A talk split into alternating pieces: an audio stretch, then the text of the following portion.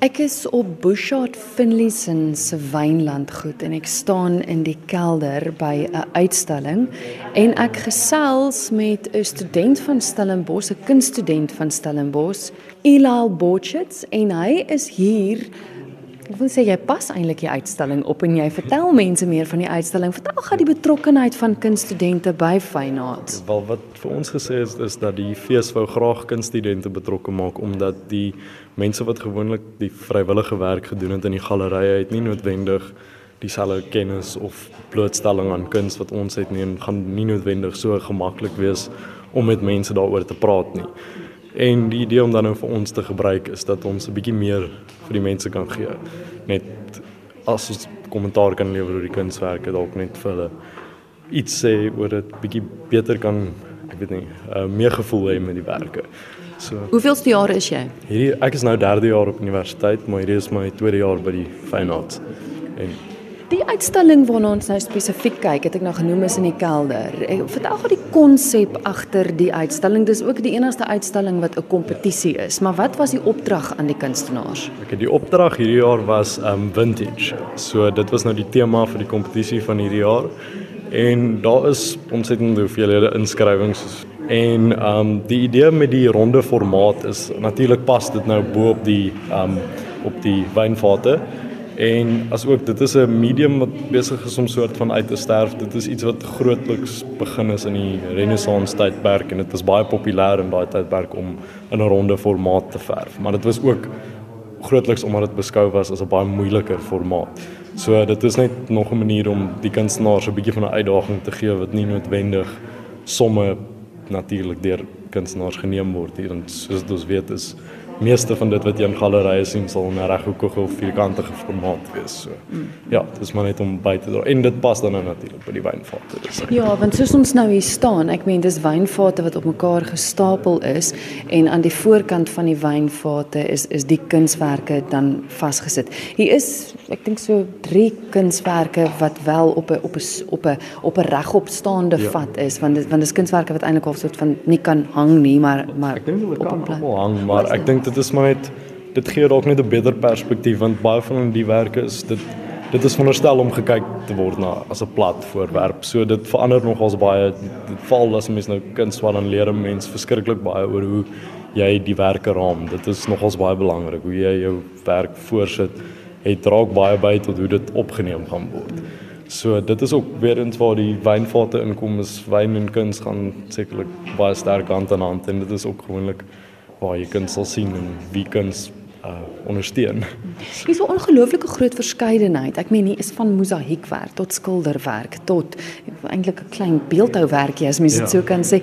Was die opdrag regtig dat jy eintlik in enige medium ja, kan werk? Ja, die opdrag, hulle hulle hou juist daarvan dat daar soveel as moontlik verskeidenheid is in die mediums. Um, want dit bring ook net nuwe kreatiewe werke uit en Ja, so hulle hulle kies maar net die beste natuurlik uit hierdie werk uit.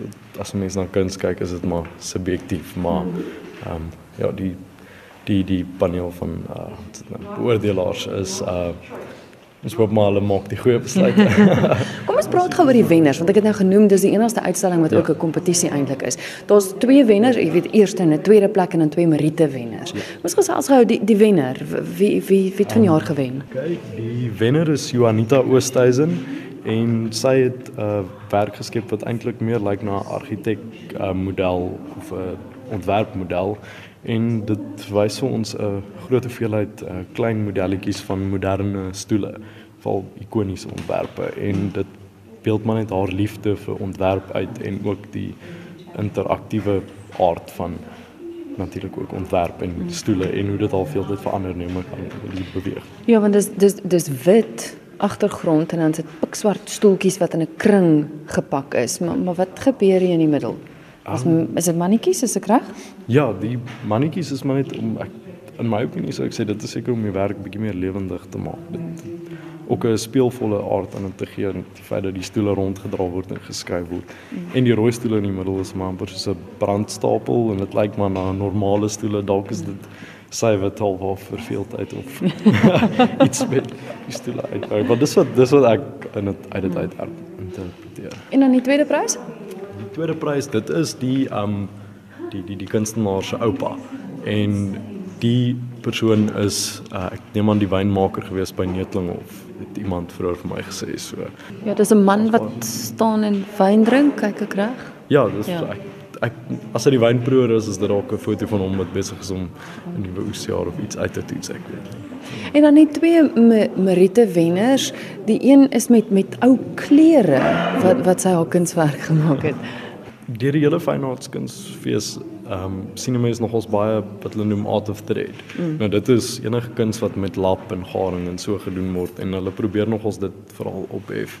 Want dit is 'n kunsvorm wat eintlik baie nie nie neergekyk is nie, maar dis nooit regtig as 'n kunsvorm geag nie, maar dit verg al die al die nodige goed wat jy net in kuns doen, soos jy het, jy het vaardigheid, jy het 'n kunstige oog nodig om dit te kan doen. So ja, as dit gebruikte klere is, dan neem ek aan dit um te doen met die um verlede van Suid-Afrika en um die armoede en ongelykhede seker maar wat dit veroorsaak het.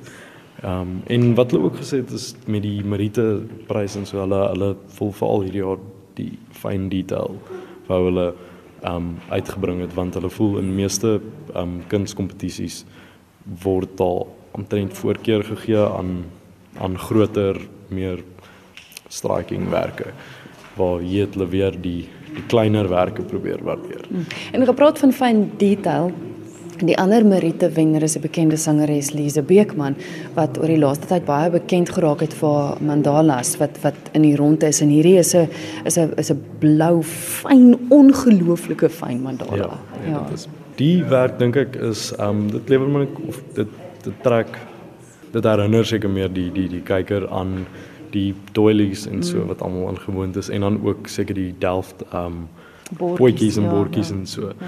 En hierdie is maar net dink ek ook 'n nuwe herlewing daarvan of 'n uh, opnuutmaking want mense sien duidelik ook die oos, oosterse invloed in hierdie. So. Maar al wat ek kan sê is ek bly ek was nie 'n beoordelaar nie.